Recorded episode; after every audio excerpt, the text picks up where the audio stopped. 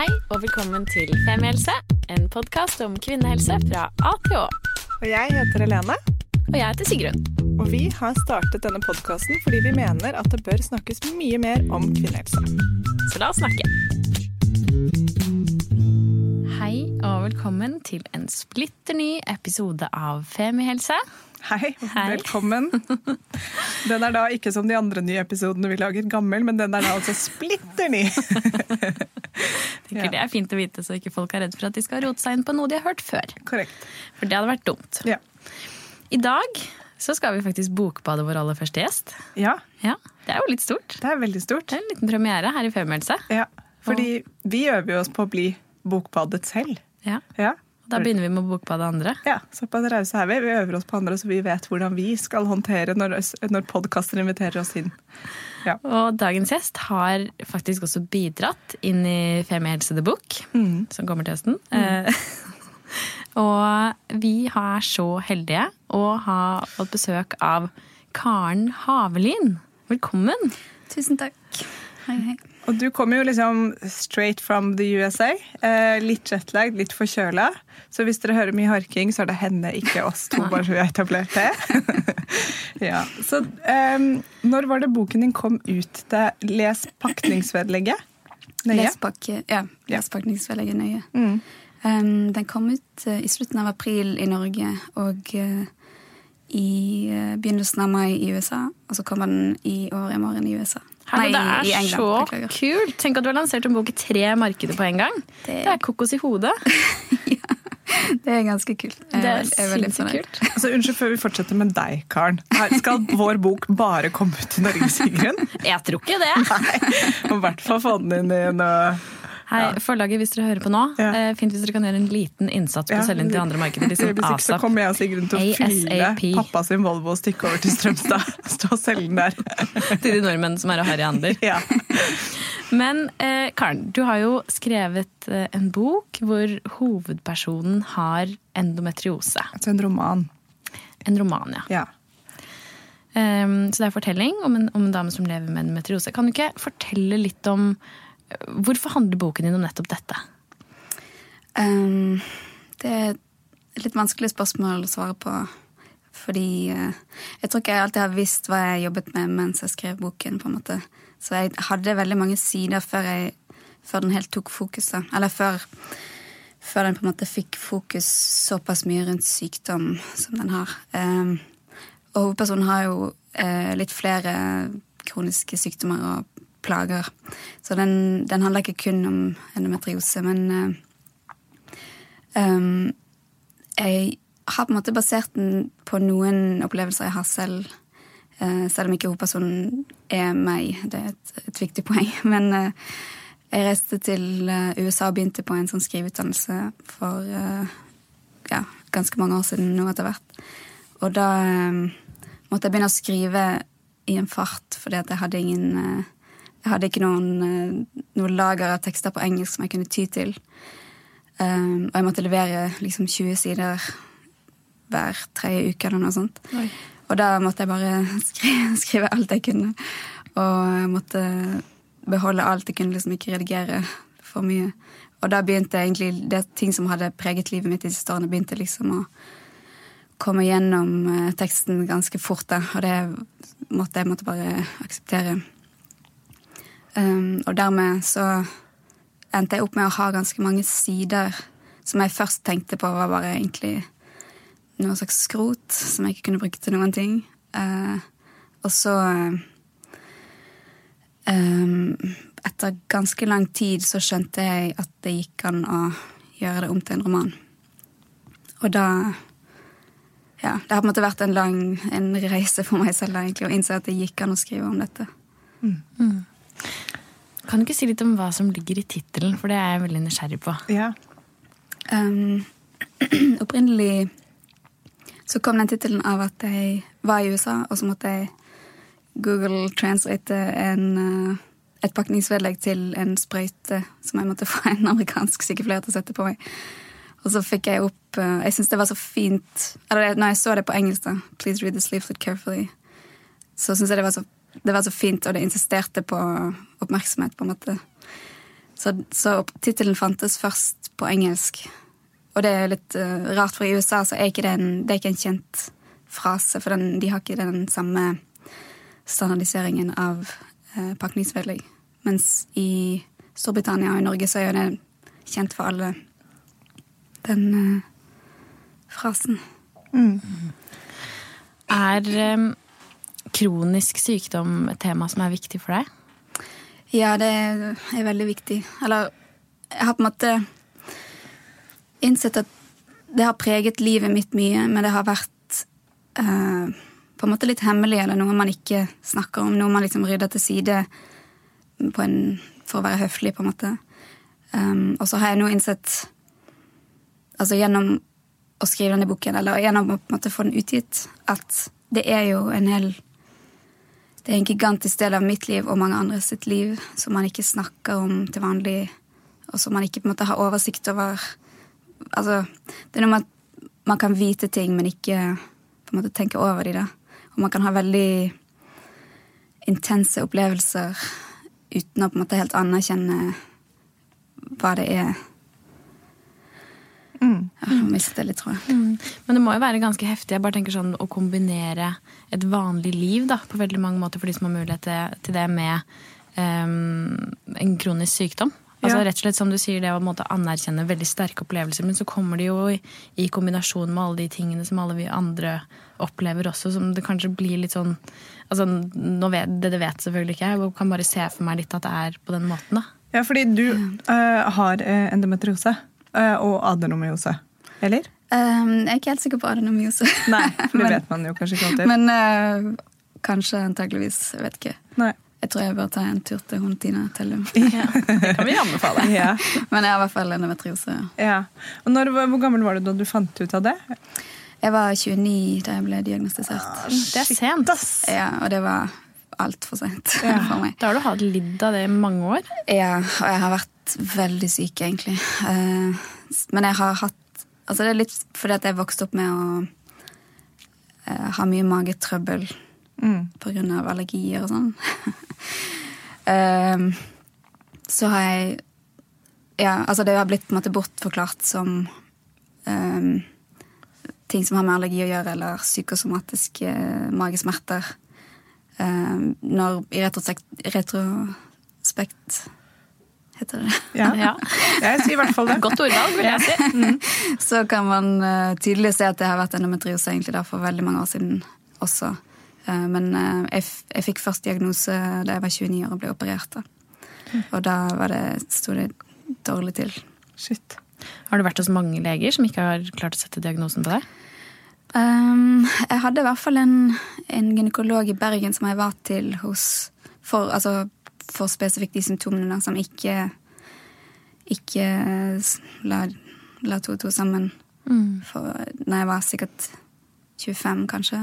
Og jeg har vært hos fastlege veldig mye. Mange forskjellige fastleger. Um, jeg måtte dokumentere noe greier fra Nav, og da fant jeg i journalen min ja, sånn som jeg skrev i introduksjonen, jeg fant at noen, en fastlegevikar har nevnt ordet endometriose ja, nesten ti år før jeg ble diagnostisert. Uten at det skjedde noe mer med det nå. Mm. så irriterende. Skikkelig. Og det, så, fordi det der er veldig interessant. Det er to ting. Jeg kjenner meg veldig igjen i det med Og nå, jeg har, jeg har, jeg har ikke så mye menssmerter og har ikke endometriose, men det der med mage og allergi og mensen er veldig som for meg også veldig, henger veldig sammen. For jeg har mye problemer med magen.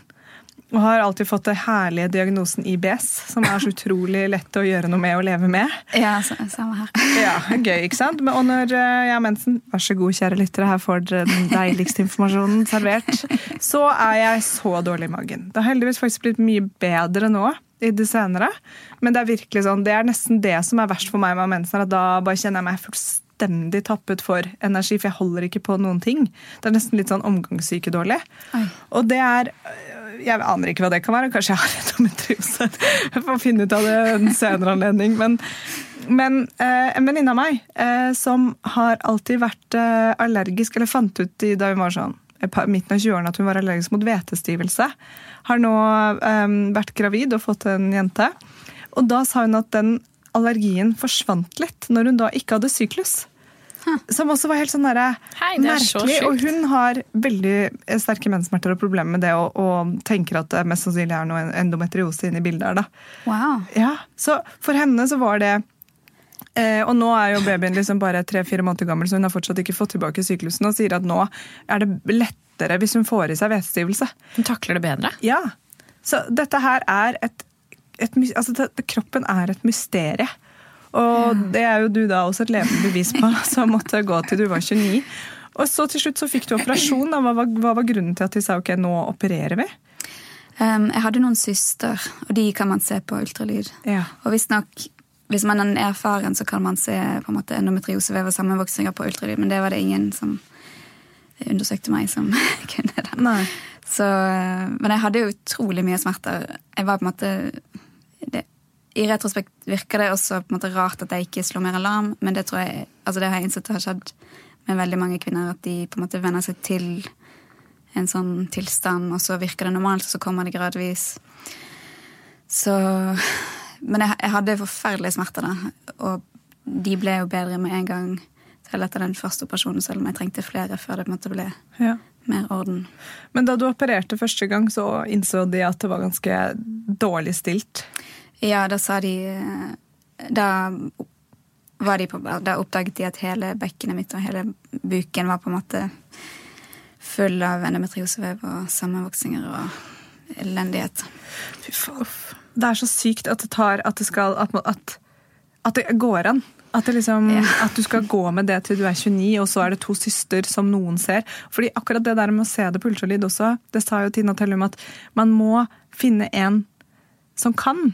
Og det er så dårlig gjort at det ligger på oss som pasienter. at vi må sånn... Du må vite hvilken ekspertise Har du du den utdannelsen og den ekspertisen? Fordi jeg tror at det er dette. Og hvis du da i tillegg blir litt sånn avfeid, sånn nei, det er ikke det, og vi kan se på det, og vi ser ingenting, så er man jo helt sånn Og så må man jo ha hørt Ja. om endometriose, altså Ja. før man også vet hva man skal be om.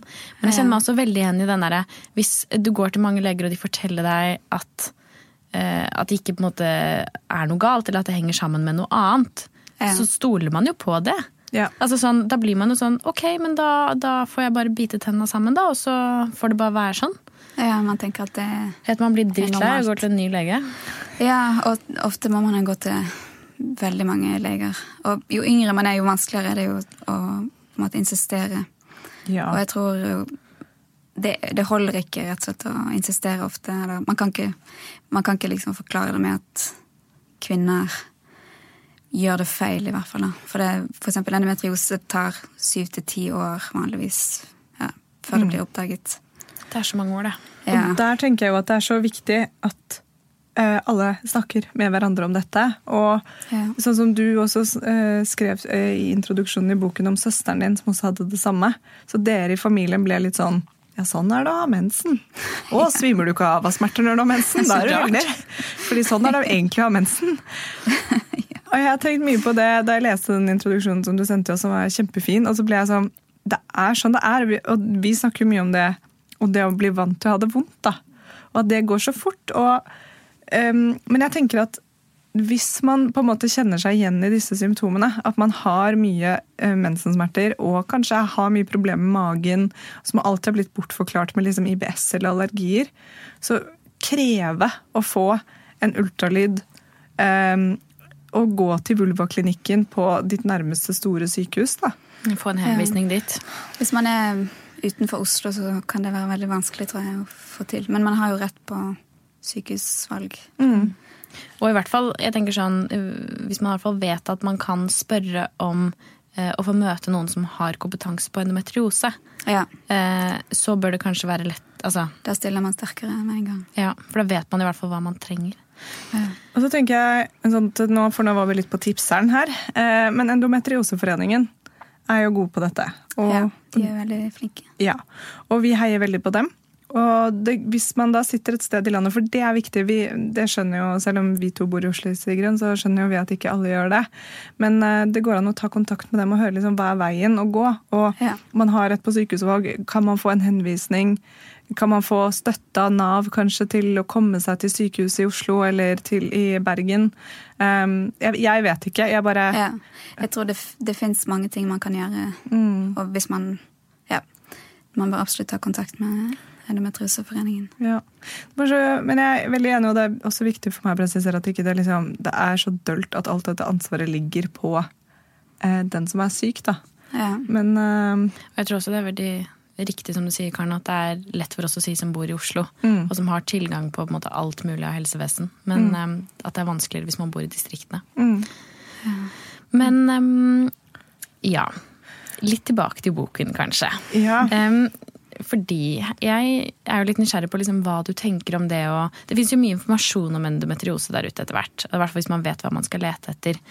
Men hva du tenker om hvilken effekt det har da, måte, å pakke det inn i en roman? Om du liksom tror det blir lettere for folk å forstå eller relatere seg til på en eller annen måte? Ja, det er et interessant spørsmål.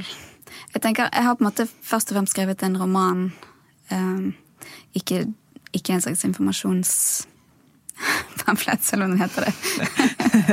Men uh, uh, jeg tenker jo på en måte at det er viktig for alle typer erfaringer å bli representert i kunst og kultur. Altså, hvis man aldri ser noe på TV eller leser om det eller hører om det, så føler man seg Altså, hvis man ikke ser sine egne erfaringer reflektert noe sted, så føler man seg på en måte usynlig.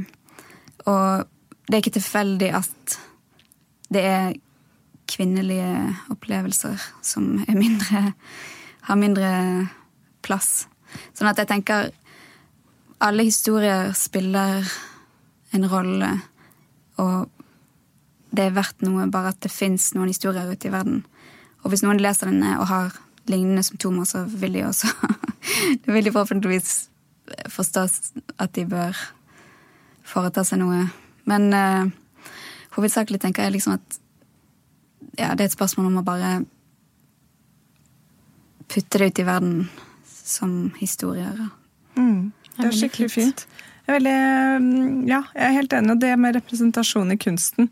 Og, og at eh, det er nettopp som du sier, at hvis man ikke leser om det, ikke hører om det på ingen steder, og da er det ikke bare liksom i den informasjonssiden av det, men også i kunsten, så tenker man at det ikke eksisterer eller fins.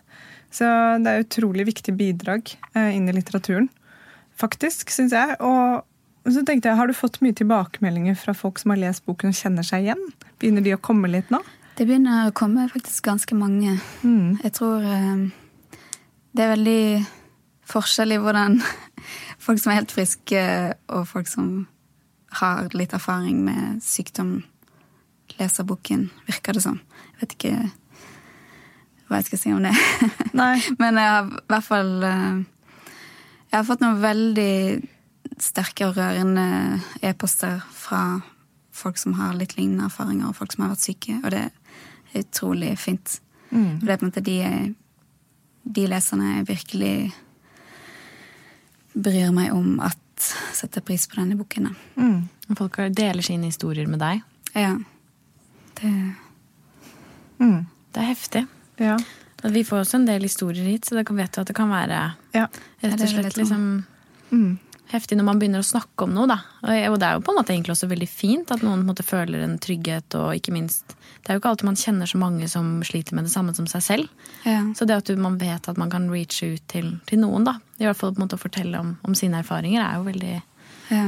veldig fint. Selv om det fort havner jo et stort ansvar på deg også, med å svare alle disse menneskene, sikkert. Ja, det kan være litt mye, egentlig. Fordi jeg har, jeg har ikke så mye overskudd sånn generelt. Men samtidig så er det liksom noe veldig fint, noe veldig sårbart de kommer med, da. Som jeg setter pris på. Mm. Og Karen, det, det som er veldig kult med denne boken, eh, i tillegg til at eh, den er bra og har et veldig viktig tema underliggende for liksom, romanen, er at den har en litt annen type kronologi. Kan du ikke si litt om det? Jo, den, eh, den går bakover i tid. Så den begynner når hovedpersonen er 35 i New York og slutter når hun er 14 i Bergen.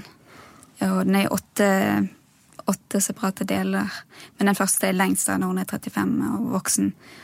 Så um, det er noe jeg har gjort veldig bevisst for å på en måte undergrave den, den historien om sykdom som man vanligvis uh, ser, som er typisk at noen er liksom et helt normalt menneske, og så blir de syk, eller de eksempel kanskje har en bilulykke, og så blir de skadet og syk, og så kommer de seg, eller dør.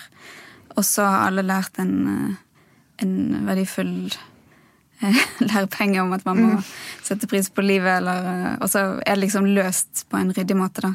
Men alle som har kronisk sykdom, um, det er en helt annen type erfaring. Man må, man må på en måte gjøre arbeidet med å vedlikeholde seg selv, og man må forholde seg til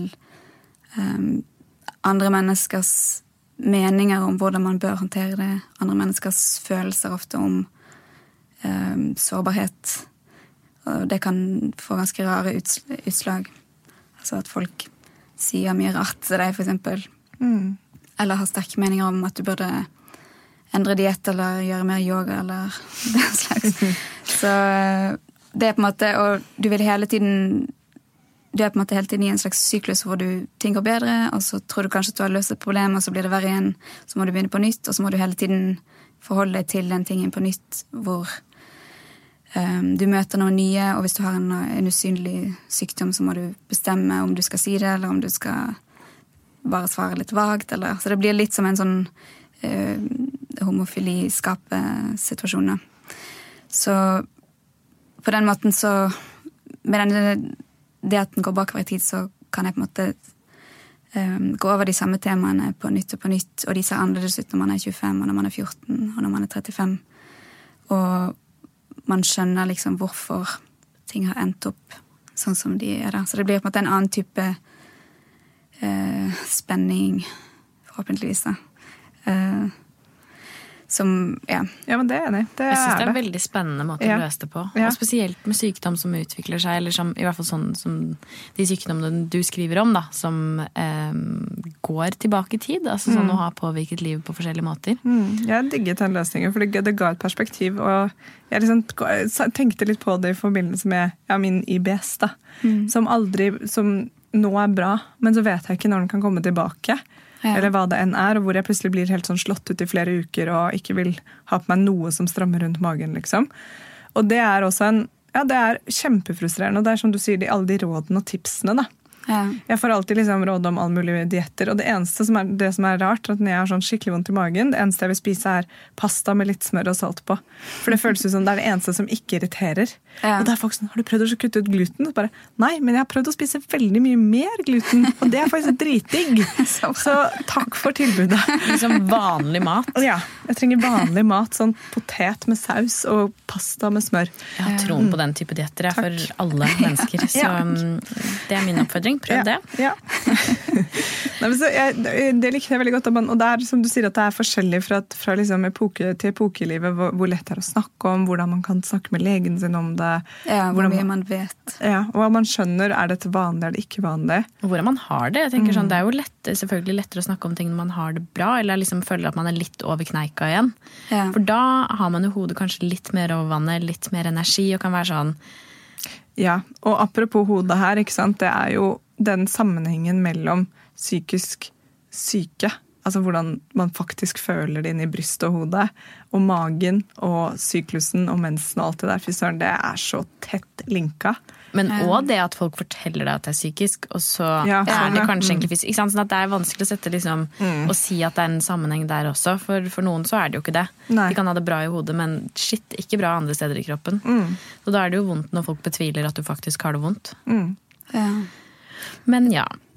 Um, kan, har, du liksom, har du noen håp eller drømmer om hva måte, denne boken kanskje kan, kan, bidra til på en eller annen måte? Um, jeg håper at den skal bli lest og nå ut i verden. Og jeg håper også at den blir lest som en, en roman som har på en måte større tematikk også. Altså, jeg vil gjerne snakke om endometriose, for det trengs så intenst. Men også at den leses som en roman som handler om allmennmenneskelige ting. Altså menneskelig sårbarhet og i kjærlighetsforhold spesielt. Og det angår jo på en måte alle folk før eller seinere. Så det er ganske viktig for meg. Men, men, samtidig så vil jeg veldig gjerne at den skal nå ut til de som har lignende opplevelser, og at den skal være litt sånn lindrende eller validerende, da. Forhåpentligvis. At man ikke er alene. Ja. Men det er jo noe veldig fint det med at alle mennesker kan kjenne seg inn i den tematikken på en eller annen måte. Uh, uavhengig av måte, hvilken situasjon du er i livet. livet. Nei, det er skikkelig fint, Karen. Tusen, tusen takk. Boken din, eh, Les pakningsvedlegget nøye, er jo ute Ja. for salg. På norsk og på engelsk og i massevis. Den er eh, skikkelig fin, og anbefaler vi veldig å lese. Og så er vi jo så heldige at du også har vært med å skrive en innledning til vår bok. Til kapittelet om endometriose, og det er vi veldig takknemlige for. Så det er en liten bit av Karen Havlin der også. Ja. Skikkelig, skikkelig fint at du kunne det. For ja, jeg gleder meg veldig til å dele det eh, kapitlet der med, i boka. Dere må Blant kjøpe andre kapitler. hele boka, faktisk. Teasing. Nei, men så fint. Tusen takk for at du kom på besøk til tross for eh, fortsatt litt jetlag og litt, eh, litt forkjølelse på gang her. Vi er skikkelig imponert over at Ja. du har vært på verdensomspennende bokturné. Heia deg! Heia. Tusen takk. Tusen takk for at jeg fikk komme. Tusen takk. Takk for at du hørte på. Ha det bra. Ha det. Tusen takk for at du hørte på podkasten vår. Selv om det forhåpentligvis kommer tydelig frem, så vil vi understreke at vi ikke er helsepersonell. Ja, så som vanlig, kontakt legen din om du har noen spørsmål, eller om du skal begynne på noen form for behandling. Og har du et tema som du har lyst til at vi skal snakke om, eller noe ris eller ros, så send oss gjerne en melding på Facebook eller på Instagram. Der finner du oss under Femihelse. Og du kan gjerne rate oss på iTunes, det er skikkelig hyggelig for oss. Ha en fin dag! Ha en kjempefin dag!